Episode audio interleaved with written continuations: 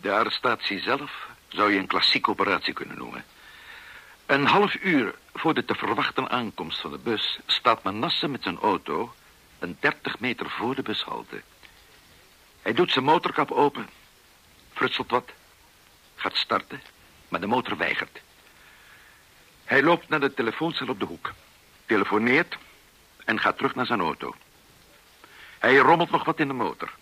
Een kwartier later komt Jozef in overal en gaat sleutelen. Intussen ligt Nahum bij de achterbank op de grond van de auto. Als Eichmann uit de bus stapt, moet hij langs de auto lopen. Op het juiste moment grijpen Manasse en Jozef een beet en duwen de auto binnen, waar Nahum al met open armen ligt te wachten. En heeft Nahum hem te pakken, dan heeft hij geen schijn van kans meer. Jozef doet de motorkap dicht en Manasse rijdt via een van tevoren uitgestippelde route naar dit huis. Manasse rijdt hier dan de garage binnen. Eichmann is intussen door Nahum in een deken gewikkeld en wordt naar binnen gedragen. Voilà.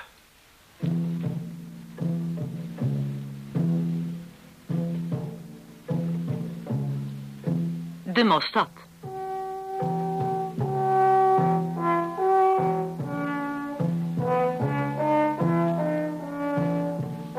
Hoorspelserie naar gegevens uit het gelijknamige boek...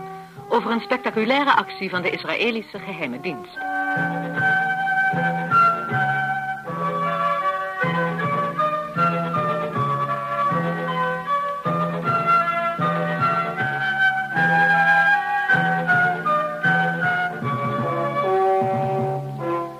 Vandaag hoort u het vijfde deel.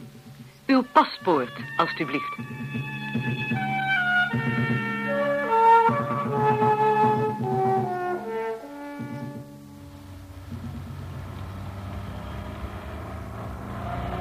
Goed, waarom? Als een vorst. We zijn er zo. Ik had zo gedacht. Als ik Eichmann zie aankomen en de situatie is gunstig voor zijn arrestatie... dan geef ik drie klappen op het dak van de auto. Dan kun je je voorbereiden dat je binnen een tiental seconden... je vrachtje in ontvangst kunt nemen. Begrepen? Ik ga nu stoppen. Ik ben nu op zo'n 50 meter van de bushalte. Hoe laat is het nu? Tien over zeven. Ik ga nu even wat rommelen in de motor. Kom dan weer even quasi starten. En ga dan aan de overkant bellen. Oké.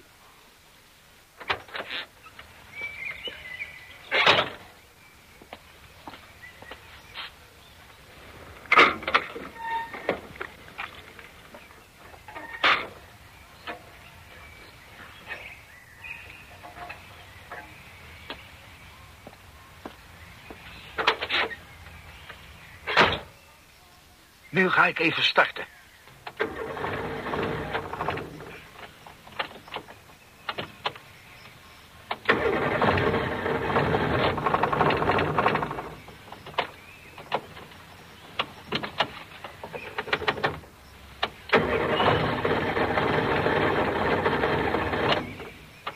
Ik ga nu bellen.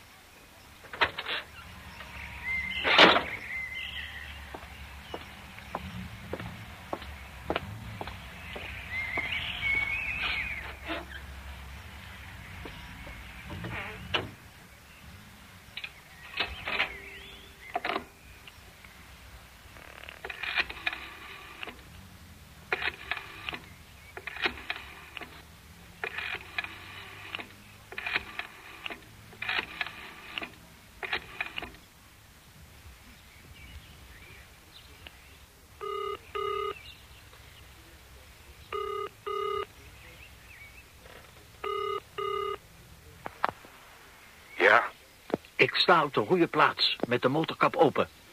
Laat Jozef maar komen. Oké. Hoe is de situatie? Zijn er veel mensen in de buurt? Op het ogenblik is er geen hond. Des te beter. Jozef komt eraan.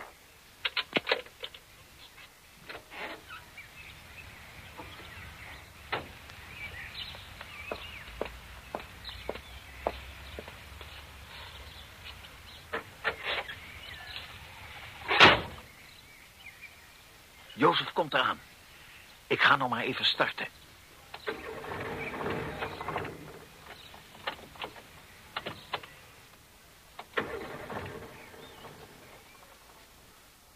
Hoe laat is het nou, Ezra? Tien voor acht. Als hij in de bus van half acht had gezeten, dan zou ze er al moeten zijn. Waar blijven ze dan? Als hij een bus later genomen heeft, hoe laat komt hij dan aan? Ze rijden ongeveer op het kwartier. Ja? In de bus van half acht zat hij niet. En de bus van kwart voor acht rijdt net door. En daar zat hij ook niet in. Ik dacht, eh, laat ik maar even bellen. Heel goed, want we begrepen er al niks van. Eh, eh, wacht de volgende bus maar af en bel dan eventueel nog maar eens.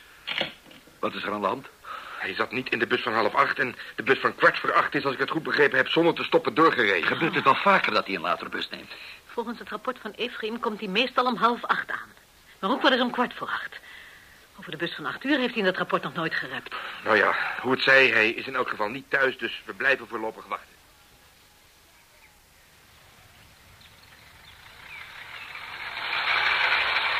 Daar komt de bus van acht uur.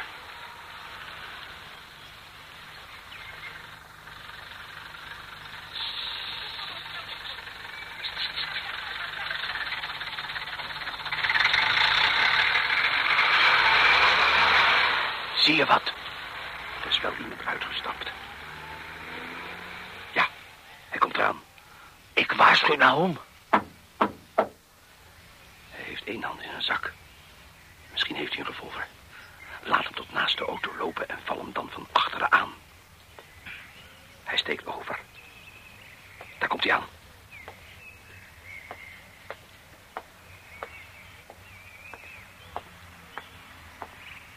Ja.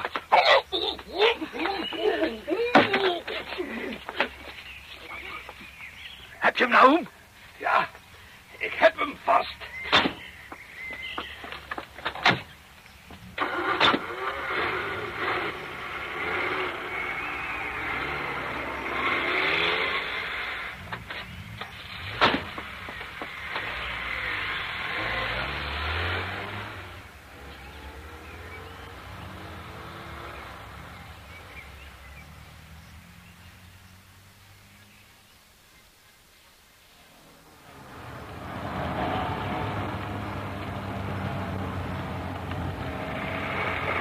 We zijn er nou om. De garage staat open. Ik rij zo naar binnen. Uitstekend.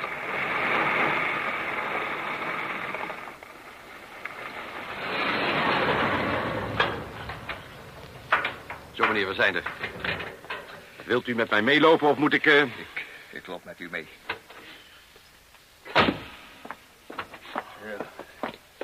Deze kant op, jongens. Ja, ja. En hier rechtsaf. Hier naar binnen.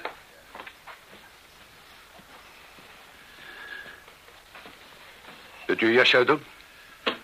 Wat, wat heeft het allemaal te betekenen? Waar, waar ben ik? Waarom is... Het lijkt ons verstandiger dat wij degene zijn die de vragen stellen. Dat u slechts antwoord geeft op onze vragen... en intussen precies doet wat u gezegd wordt. Jasje uit.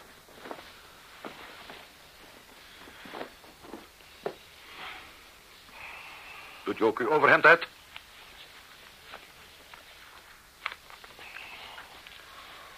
Kijk op zijn rechteroksel. Daar moet een nummer zijn getatoeëerd, zijn bloedgroep. Ik zie niets bijzonders. Hier een lantaarn, kijk goed. Ja, ik zie wel een klein litteken. Maar eh, geen nummer of iets dergelijks. Hoe is uw naam? Clement, Ricardo Clement. Wat is de maat van uw schoenen? Maat 44, En van uw hoed? 54, Wat was uw lidmaatschapsnummer van de NSDAP? 899, 895. Wat is dus uw eigenlijke naam? In Duitsland heette ik Henniger. Otto Henniger. Ik heb hier een dossier waarin alle gegevens betreffend u vermeld staan. Uw lidmaatschapsnummer van de Nationaal Socialistische Arbeiderspartij en van de SS.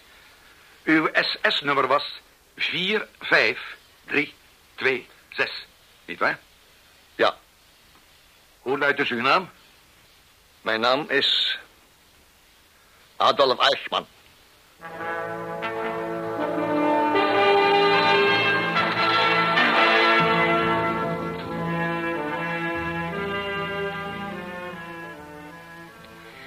Waar zou vader toch blijven, moeder? Het is al negen uur geweest. Ik zal de zaak eens bellen.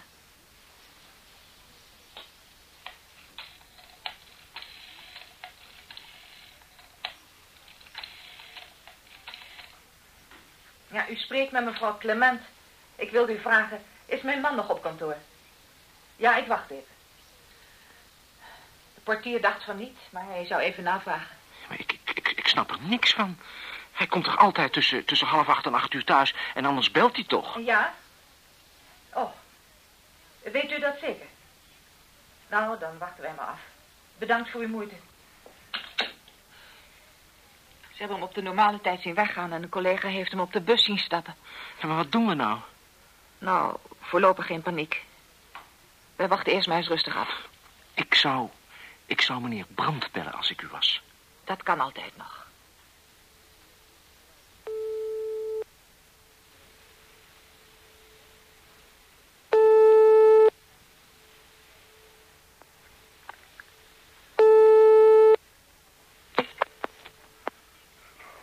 Met Brandt? Meneer Brandt, u spreekt met mevrouw Clement. Ja? Neemt u me niet kwalijk dat ik u op dit nachtelijk uur stoor... maar ik maak mij zorgen om mijn man. Om uw man? Ja. Hij is vanavond niet thuisgekomen. Hij komt elke dag thuis van zijn werk tussen half acht en acht uur... en eh, als er enig oponthoud is, belt hij altijd meteen op. Ja? Maar wij hebben vanavond niets gehoord en het is nu... eens kijken... Het is nu bijna één uur. Nog is hij niet thuis. Wat raadt u me aan? Ja, eh, één uur. hè. Ik, eh, ik kan nog wel even bellen. Ja? Ik kan voorzichtig informeren bij de politie. Eh, mogelijk eh, ongeluk of zo. Ik, ik, ik ben u zo terug. Eh, graag. Dank u. Wat zei hij? Tja, wat moet ik zeggen? Hij leek me wat geschrokken. Hij begreep natuurlijk ook niet. Hij zou voorzichtig informeren bij de politie of er mogelijk iets gebeurd was. Ongeluk of zo.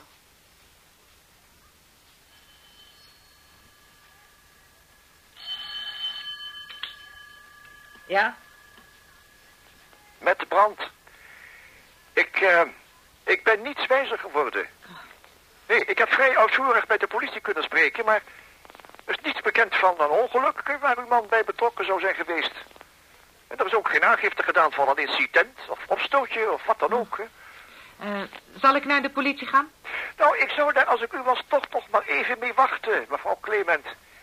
Want, eh, wat moet u zeggen? Hè?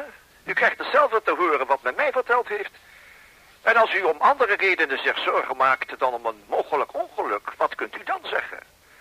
Nee, de reden waarom u zich mogelijk zorgen maakt, daar kunt u vooralsnog niet meer voor de dag komen. Daar hebben uw man en ik meermaal over gesproken. Mochten er zich moeilijkheden voordoen, zoals wij deze nu voor mogelijk achten, dan moeten wij de politie daar toch zo lang mogelijk buiten zien te houden. Want dat zou ogenblikkelijk ontaarden in een publiciteit en een sensatie... die voor anderen welke eh, onder soortgelijke omstandigheden in Buenos Aires wonen... tot eh, grote moeilijkheden kunnen leiden. Maar we hoeven niet meteen het ergste te denken.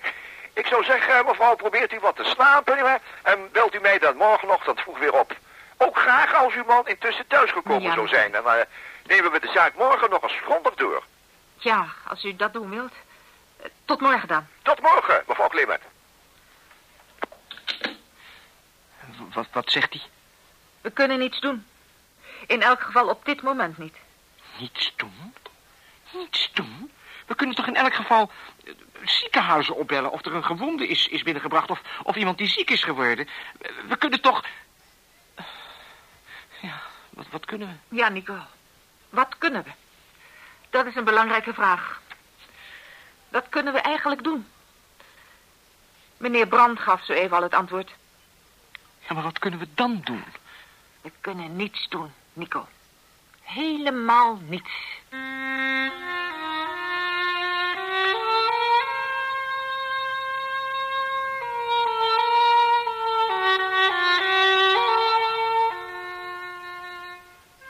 En hoe gaat het hier toe op het vliegveld? Laat ik zeggen, een stuk eenvoudiger dan bij ons in Tel Aviv. Ondanks de stroom van toeristen in verband met de feestelijkheden, of misschien wel juist daardoor, is de controle op het vliegveld bijna een formaliteit geworden. En nog wat, ik heb geconstateerd dat aan uitgaande passagiers nauwelijks enige aandacht wordt geschonken. Veruit de meeste douanebeambten zijn betrokken bij de aankomst. En wat de Maar hoe gaat het toe bij bemanningsleden van vliegtuigen? Nou Ja, dat wilde ik juist zeggen. Ah. Daar is een aparte ingang voor. En daar heb ik helemaal geen controle kunnen ontdekken. Er is daar wel een douaneman, maar ik heb opgemerkt dat hij nauwelijks van zijn krantje opkijkt als bemanningsleden in het busje stappen dat er naar het vliegtuig rijdt. Dan moet Eichmann, wat we al van plan waren... als lid van de bemanning naar het vliegtuig worden gebracht. Wat ik nog wilde opmerken is... Er is een dubbele bemanning aanwezig voor het El Al-vliegtuig. Dubbele bemanning? Hoe bedoel je? Ik heb met de captain gesproken. En er is een volledige reservebemanning meegevlogen. De bemanning die op de heenweg heeft gevlogen is op de terugweg vrij. Die gaan dan min of meer als passagiers mee. Die hebben dus vrij afgekregen vanaf het moment dat ze hier geland zijn. Ja, Oh, wat een leven hebben die mensen, hè? Die zouden dus vrolijk en ongedwongen na een gezellig bezoekje aan Buenos Aires terug kunnen gaan. kunnen gaan. Ik geef je de verzekering dat het zo gebeurt. Bij deze groep zou een wat DC-figuur als onze steward dus heel goed kunnen passen. Natuurlijk. Hoe gaat het met de patiënt in het ziekenhuis? Dat loopt geheel volgens plan. Dokter Lubanski bezoekt hem elke dag en doet zich voor als zijn beste vriend.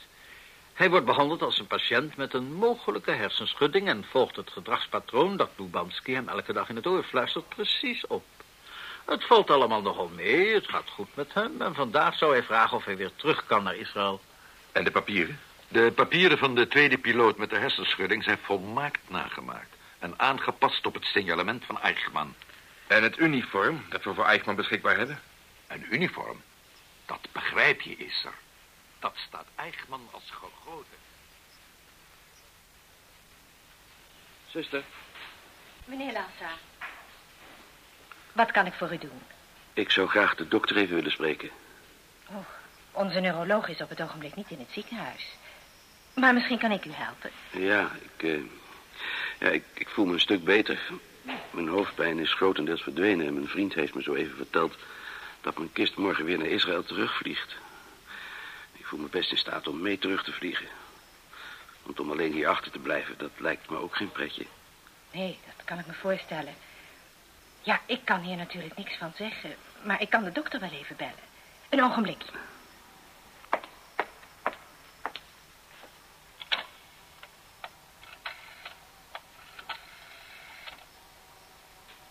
Dag, dokter. U spreekt met hoofdzuster Ames.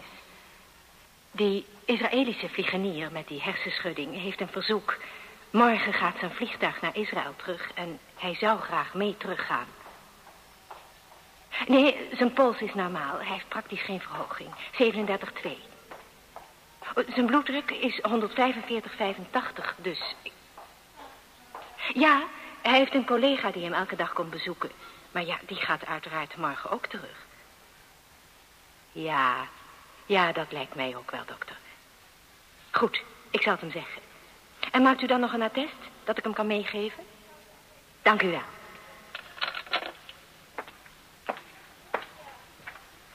Meneer Lassa, krijgt u vandaag nog bezoek? Mijn vriend komt vanmiddag, ja. Dan kunt u hem zeggen dat u morgenochtend ontslagen wordt. De dokter vindt het verantwoord dat u morgen mee terugreist naar Israël. Dus, recapitulerend. Het vliegtuig vertrekt vanmiddag om drie uur. Om half drie geeft dokter Lubanski aan Eichmann een prik. Hij staat dan al klaar in het El Al-uniform. Dan rijden Menasse en Ahum Eichmann naar het grote plein voor het vliegveld... en leveren hem af bij de reservebemanning die daar in een auto klaar staat. Ze rijden dan naar de speciale ingang van bemanningsleden... en komen daar in een vrolijke stemming aan. Zij nemen Eichmann tussen hen in... en loodsen hem zo langs de douane naar het busje dat hen naar het vliegtuig brengt. En wij? Wij zijn dan al lang op het vliegveld. Alleen Menasse en Ahum brengen Eichmann naar de bemanning... en daarna gaan ze ook als passagiers naar het vliegveld. Gaan wij allemaal met het El Al-vliegtuig terug? Nee, alleen Esra, jij en ik. De anderen gaan allemaal terug via verschillende bestemmingen. Ja. Blijft niemand achter? Nee, Mirjam, er blijft niemand van de groep achter. Want ik verwacht hier heel gauw een grote consternatie. En dan moeten alle betrokkenen weer veilig in Israël terug zijn. Moeder, heeft meneer Brandt al gebeld? Nee, nog niet. Waarom belt u dan niet? Hij zou toch al lang gebeld hebben? Ik heb het geprobeerd, maar ik kreeg geen gehoor. Dan zal ik het toch eens proberen.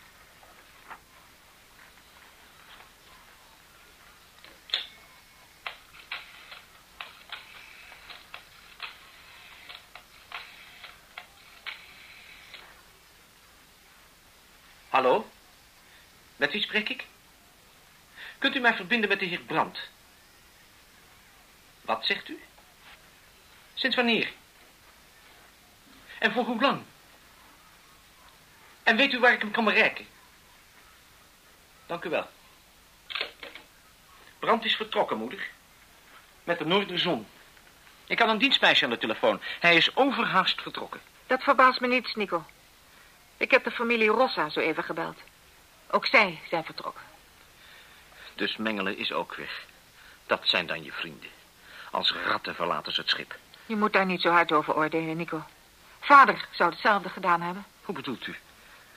Het is nu voor iedereen duidelijk dat er geen sprake is van een ongeluk of van een vrijwillige verdwijning, maar dat vader op wat voor manier dan ook door Israëliërs is gearresteerd.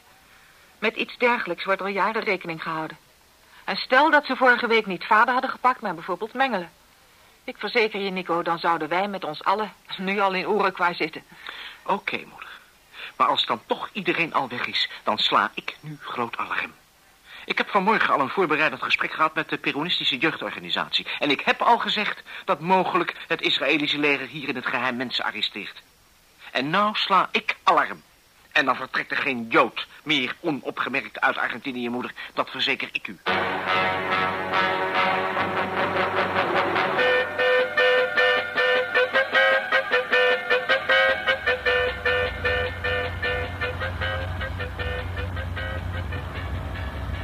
staan ze, Benasse. Ik heb ze al gezien. Hoe is het met Eichmann? Beetje stilletjes, maar voor de rest prima. Mooi zo.